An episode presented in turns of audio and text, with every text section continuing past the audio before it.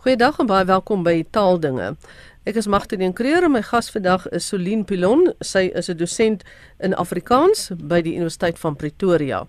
Nou Solien, hoekom ek by jou uh, uitgekom het is om te praat oor klemme binne in 'n woord en klemplasings in 'n sin. Nou ek lees net vir jou 'n brief wat ek onlangs gekry het van 'n getroue luisteraar en hy sê maak tog seker dat jy sê dis Mosselbaai, nie Mosselbaai nie. Jy sê die klem op die verkeerde plek. En nou het ons al gehoor dat mense toenemend begin klemme verkeerd lê. Is dit 'n ding wat aan die toename is, moet ons dit aanvaar voordat ons nou by voorbeelde kom. Magdalene, die ding van klem is dis 'n moeilike saak, né? Nee? Wat ek miskien net eers kan sê is die uitspraakwoordeboek, die Afrikaanse uitspraakwoordeboek het in 1947 verskyn en sedertdien het daar nog nie weer iets verskyn wat vir ons kan leiding gee oor standaard Afrikaans uitspraak nie maar die virtuele instituut vir Afrikaans is in oorleg met RSG en ander rolspelers besig met 'n groot projek om nou die uitspraakwoordeboek eintlik by te werk met 'n bietjie meer hedendaagse Afrikaanse uitspraakinligting. En hierdie bronne is dan veral gerig op omroepers en nuusmense te help om woorde uit te spreek op die standaard Afrikaans manier, maar dit is natuurlik ook vir gewone mense, nê, nee, wat wil weet hoe spreek mens nou die woord mosselbaai uit? Wat sou jy dan sê is die hedendaagse uitspraak? Is dit anders as wat ons tot dusver geken het? Tipies in Germaanse tale lê die klem nader na die voorkant van die woord toe. Maar professor Daan Wissing van die Noordwes Universiteit het 'n rukkie terug 'n hele groot projek gedoen waarin hy gevind het dat klemplasing in Afrikaanse woorde besig is om te verander en in in Afrikaanse woorde is dit besig om al hoe nader na die einde van die woord toe te beweeg en dit veral by woorde wat langer is as twee lettergrepe soos woorde soos minister want in die in die uitspraakwoordeboek sê dit nog ons moet sê minister en dit sê ons moet sê onderwys maar ons hoor al hoe meer dat mense begin sê onderwys nê nee? En dit is omdat daai onderwys nie meer geïnterpreteer word as 'n samestelling nie, maar dit word nou 'n stam wat uit drie lettergrepe bestaan en dan skuif daai klem na die einde van die woord toe. So klem is 'n moeilike ding omdat daar verskriklik baie faktore is wat 'n rol speel by klem in woorde. Uh en dit gaan dan oor hoe uit hoeveel silabes bestaan 'n woord en ek wil net gesê silabes is daai deeltjies waarna jy 'n woord kan opbreek, né? Nee, so ons het 'n minister, het ons me, ne, ster. Dis die drie silabes waaruit die woord bestaan. En dan het ons nou ook waar in die woord kom die silabe voor? Wat is die formaat van die silabes? So uit bestaan dit uit konsonante of uit vokale of so. En al daai goed speel 'n belangrike rol in klemtoekenning. Maar dan ook is daar morfologiese aspekte wat 'n rol speel. Ons het die ou voorbeelde van as jy op soek is na iets, nê? Nee? So dan sê jy ek is op soek na iemand wat baba hondjies verkoop. En dan kan jy hoor in daai op soek is daar eintlik gelyke klem by op en by soek. Maar as jy sê jy moet hierdie woord in die woordeboek opsoek, dan is dit duidelik dat daai op die klem dra en soek is nie beklemtoon nie en dan weet ons dis een woord. So dis so, dan 'n betekenisverandering. Presies, presies. So daai gewoon net daai klemverandering het dan nou heeltemal 'n betekenisverandering tot gevolg en beteken die die morfologie van die woord is anders want opsoek met gelyke klemme is twee woorde, maar opsoek is net een woord. Ons kry dit ook by daar is 'n luiperd in die wildtuin, maar ek my pa het 'n baie lui perd, so daar hoor jy ook die lui en perd as albei beklemtoon is, dan is dit twee woorde, maar as dit daar net een klem in die woord is, dan is dit net een woord. Ek wil nou net terugkom na wat jy gesê het van die struktuur van die woord en die struktuur van die silabes of die silabes in 'n spesifieke woord. Dit is nou goed en wel vir mense wat op 'n akademiese vlak daarna kyk.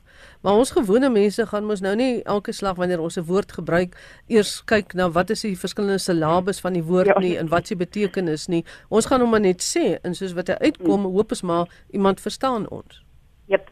En Magdalene, dis 'n baie belangrike ding wat jy nou sê want ek voel en ek weet baie mense wat ook in die taalkunde werk en in die Afrikaanse taalwêreld is. Jy kan baie moeilik vir 'n moedertaalspreker van Afrikaans sê jy sê hierdie woord verkeerd. Want mense sê woorde soos wat hulle woorde sê en as dit jou moedertaal is, het jy net soveel sê oor hoe daai woord gesê moet word as enige iemand anders. So al wat jy hoogstens kan sê is jy sê nie hierdie woord op die standaard Afrikaans manier nie. En as jy wil weet hoe om 'n woord op die standaard Afrikaans manier te sê, moet jy tans gaan kyk in die uitspraakwoordeboek want dis al wat ons het, maar soos ek gesê het, die boek het baie jare gelede al verskyn. So ons wag nou in spanning vir Viva om vir ons met 'n nuwe bron vorendag te kom waarin mense kan gaan kyk nou wat die standaard uitspraak van woorde is. Nou wat staan ons nou te doen? Moet ons nou hou by die enigste bron, die jongste bron wat daar is wat uh, 1947 verskyn het of kan ons maar sê goed, dit is nie meer van toepassing nie. Ons gaan maar ons wyk af en ons wag vir die nuwe ene. Magdalene, ek dink vir nou, ons sê woorde soos wat ons woorde sê en wie was 'n bron sal in elk geval ook gebaseer word op hoe daai uitspraak vandag gebeur. So hulle sal kyk na wat is dit wat taalsprekers vandag doen om voor te stel so is die standaard manier om dit uit te spreek. So ek dink vir nou moet mense nie te veel daaroor bekommer nie. Ons moet aanvaar taal is 'n ding wat verander. So as iemand 'n woord sê oor die radio op 'n manier wat beklemtoon is wat nie is soos wat jy dink dit behoort te wees nie, dink ek vir nou moet ons dit maar oorsien want ons het eintlik nie tans behalwe vir die uitspraakwoordeboek 'n ander gesaghebende bron waarvolgens ons kan sê hierdie is nie die standaard uitspraak van die Behalwe nou as ons sien daar gaan nou verwarring in kommunikasie wees omdat die betekenis van dit wat jy wil oordra gaan nou verander af van ja. die klem. Ja, natuurlik. Natuurlik. Nee, so jy kan nie nou skielik begin woorde in woordeboeke opsoek nie. Jy moet hulle opsoek. Ja. Die woord kontak. Al die jare in ons jong dae het ons gesê kontak. Kontak asseblief vir my en jy moet hierdie persoon kontak en toe iewers hier by die draai van die eeu, ek weet nie presies waar nie, het die taalmense begin en die uitspraakmense begin sê mense sê kontak. Ek gaan jou kontak of kontak asseblief die Suid-Afrikaanse polisie. Waar het daardie draai vandaan gekom? Ek is nie seker nie, maar ek kan definitief vir jou sê dis voor die publikasie van die uitspraakwoordeboek, want hier ek het hom nou gou opgesoek hier in die uitspraakwoordeboek wat terloops gratis beskikbaar is. So as mense dit toegang daartoe wil hê, kan hulle net um, op Google intik Afrikaanse uitspraakwoordeboek en hulle sal hierby uitkom. Hier sê hulle kontak is 'n uitspraak is met die klem op die tweede lettergreep, so dis kontak, nie kontak nie. En dan is hier self 'n stukkie by wat sê as jy die hoofklem op kon sit, soos in kontak, is dit 'n anglisisme. So almal van julle wat gesê het kontak, julle het anglisismes Ja, en nou kom 'n mens by 'n ander debat vir 'n ander tyd en dit gaan oor hierdie allergie wat ons het teenoor anglisismes. Yep, Enige iets wat net klink na anglisisme wat van Engels nou natuurlik kom, dit is 'n taboe. En dit is wat ek nou vir jou wil vra om 'n bietjie vir my jou opinie te gee. Kontak met die klem dan op die eerste deel is anglisisties. So die enigste rede wat ek dan aflei hoekom dit in Afrikaans kontak geword het, is omdat ons net nie wil klink soos die direkte vertaling uit Engels nie, is dit korrek? Ja, ek dink jy's reg Magdalene en en ek moet vir jou sê oor anglisismes, ek dink nie ek is die regte mens om daaroor mee te praat nie, want ek voel Afrikaans en Engels lewe so naby aan mekaar hier in Suid-Afrika. Dis onmoontlik dat die twee tale nie 'n reusagtige invloed op mekaar gaan hê in hierdie konteks waarin ons lewe op die oomblik nie.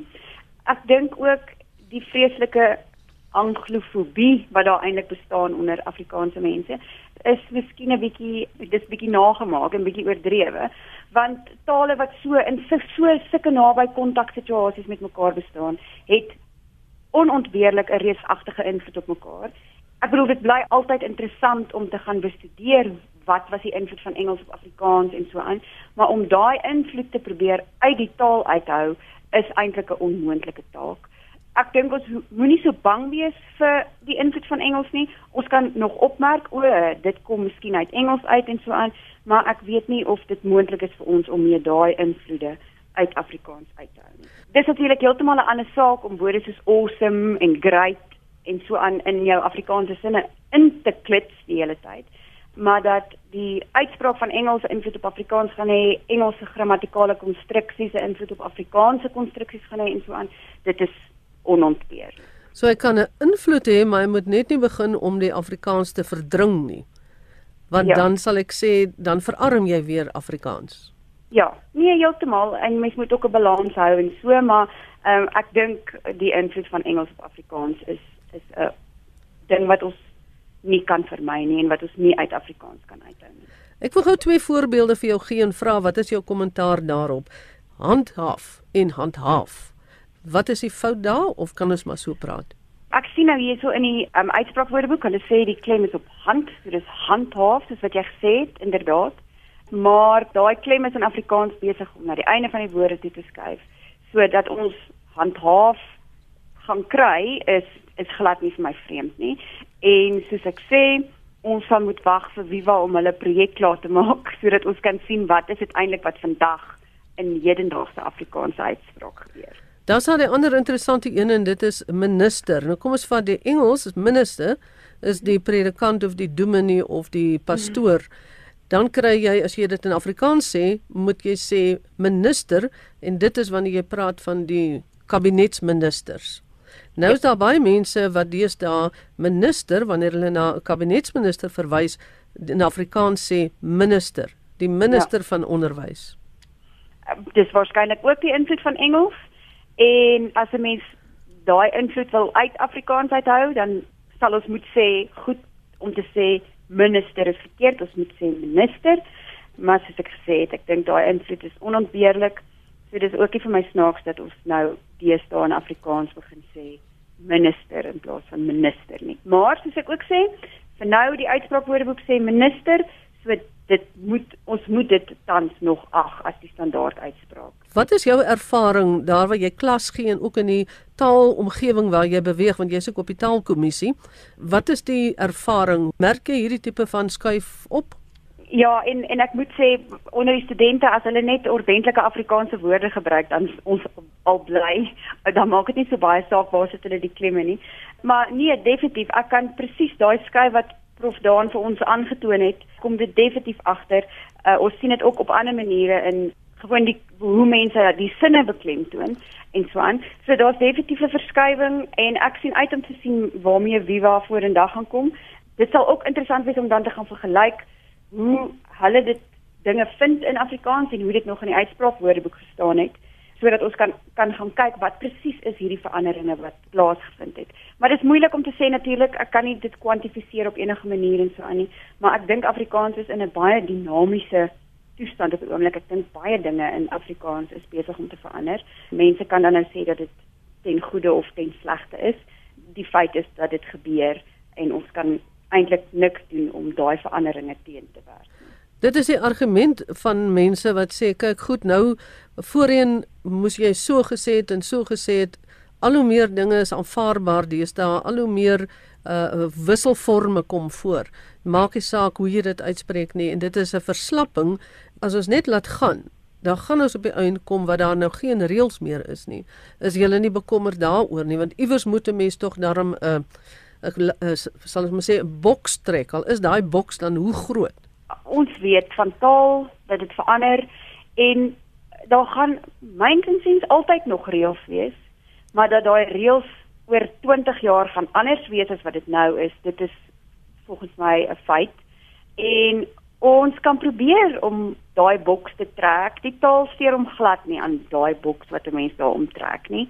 Ons kan eintlik net 'n foto neem, nê? Ons dis so 'n bietjie van 'n afbeelding van hoe die taal nou lyk. So ons ons kan reëls maak nou en sê in 2018 lyk Afrikaans so dis baie moeilik om dan te gaan sê in 2025 moet Afrikaans nog steeds so lyk want die taal soos ek sê laat hom nie aan bande lê nie en die taal verander soos wat dit verander en ons moet dan in 2025 weer kyk en sê kom ons kyk hoe het hierdie reëls verander en dan kan mens eintlik weer net 'n afbeelding gee van hoe die taal op daai stadium lyk.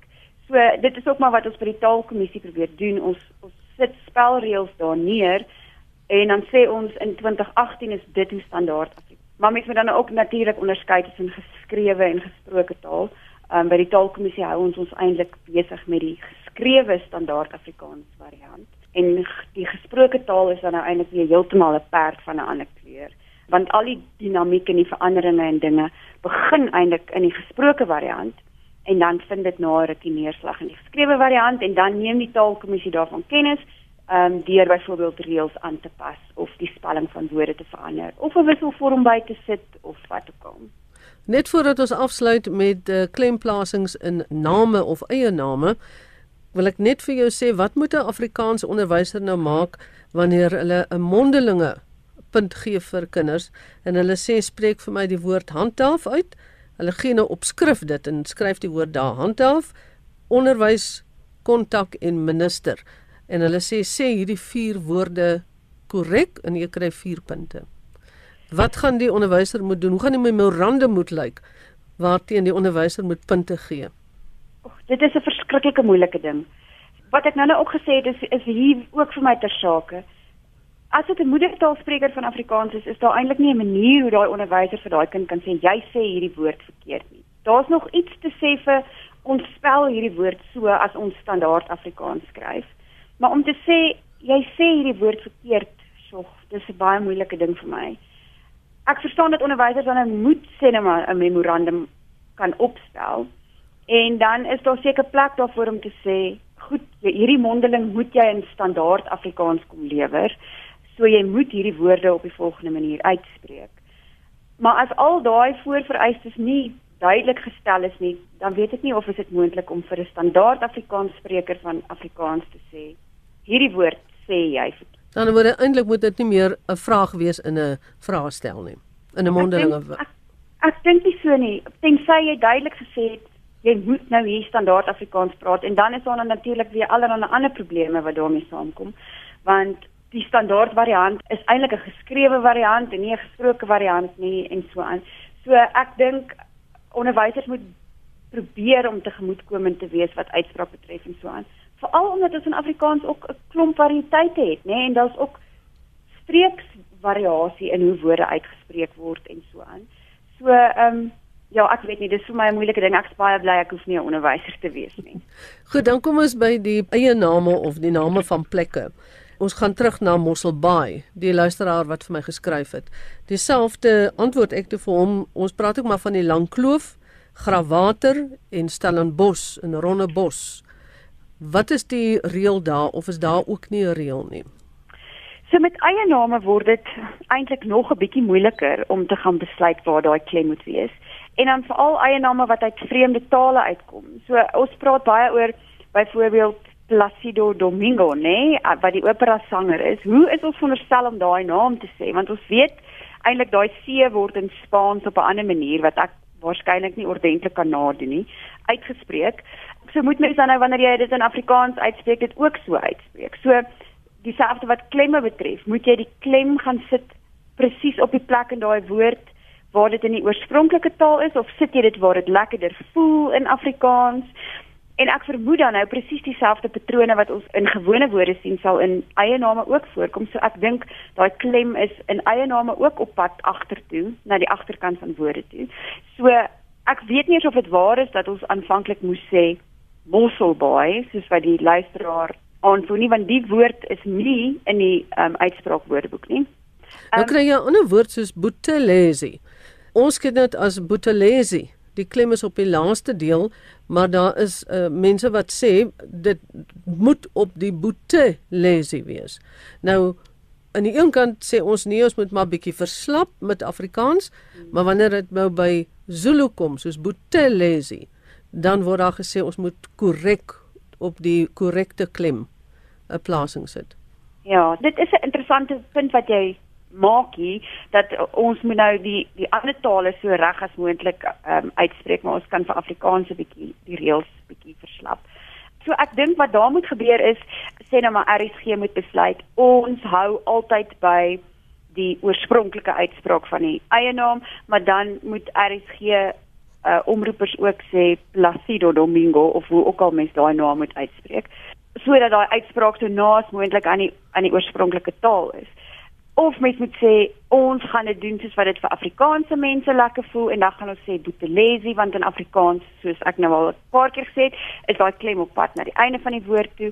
Maar mens moet dit net myns en siens konsekwent wees daaroor en dan sê of ons doen dit alles op die oorspronklike uitspraak van die woord in die taal waar dit vandaan kom of ons maak alles Afrikaans en laat dit aan die Afrikaanse reëls in aanhalingstekens. Hierdie is 'n debat wat nooit sal ophou nie. Mm. Hy is maar altyd daar. Moet mense oorspronklike uitspraak behou en in gevalle sommige uitsprake word nie oorspronklik gehou, sommige word vir Afrikaans ensovoorts. Dis 'n debat waarmee ek elke maand wil ek amper sê gekonfronteer word. Ja. Maar dit is wat so lekker en interessant is van Afrikaans dat ons daaroor kan debatteer wat wys dat mense dink oor Afrikaans. Presies. En briewe soos die brief wat jy gekry het is ook fantasties want dit wys ook dat taalgebruikers nog belangstel in Afrikaans en ja, in die nog bewus daarvan. Ja, presies. So dit is fantasties en ek hoop die debatte gaan nog lank aanhou en dat ons miskien iewers in die toekoms weer hieroor kan praat. Baie dankie aan Solien Pilon, sy is 'n dosent in Afrikaans by die Universiteit van Pretoria en ek is Magdalene Creer. Ons groet tot 'n volgende keer.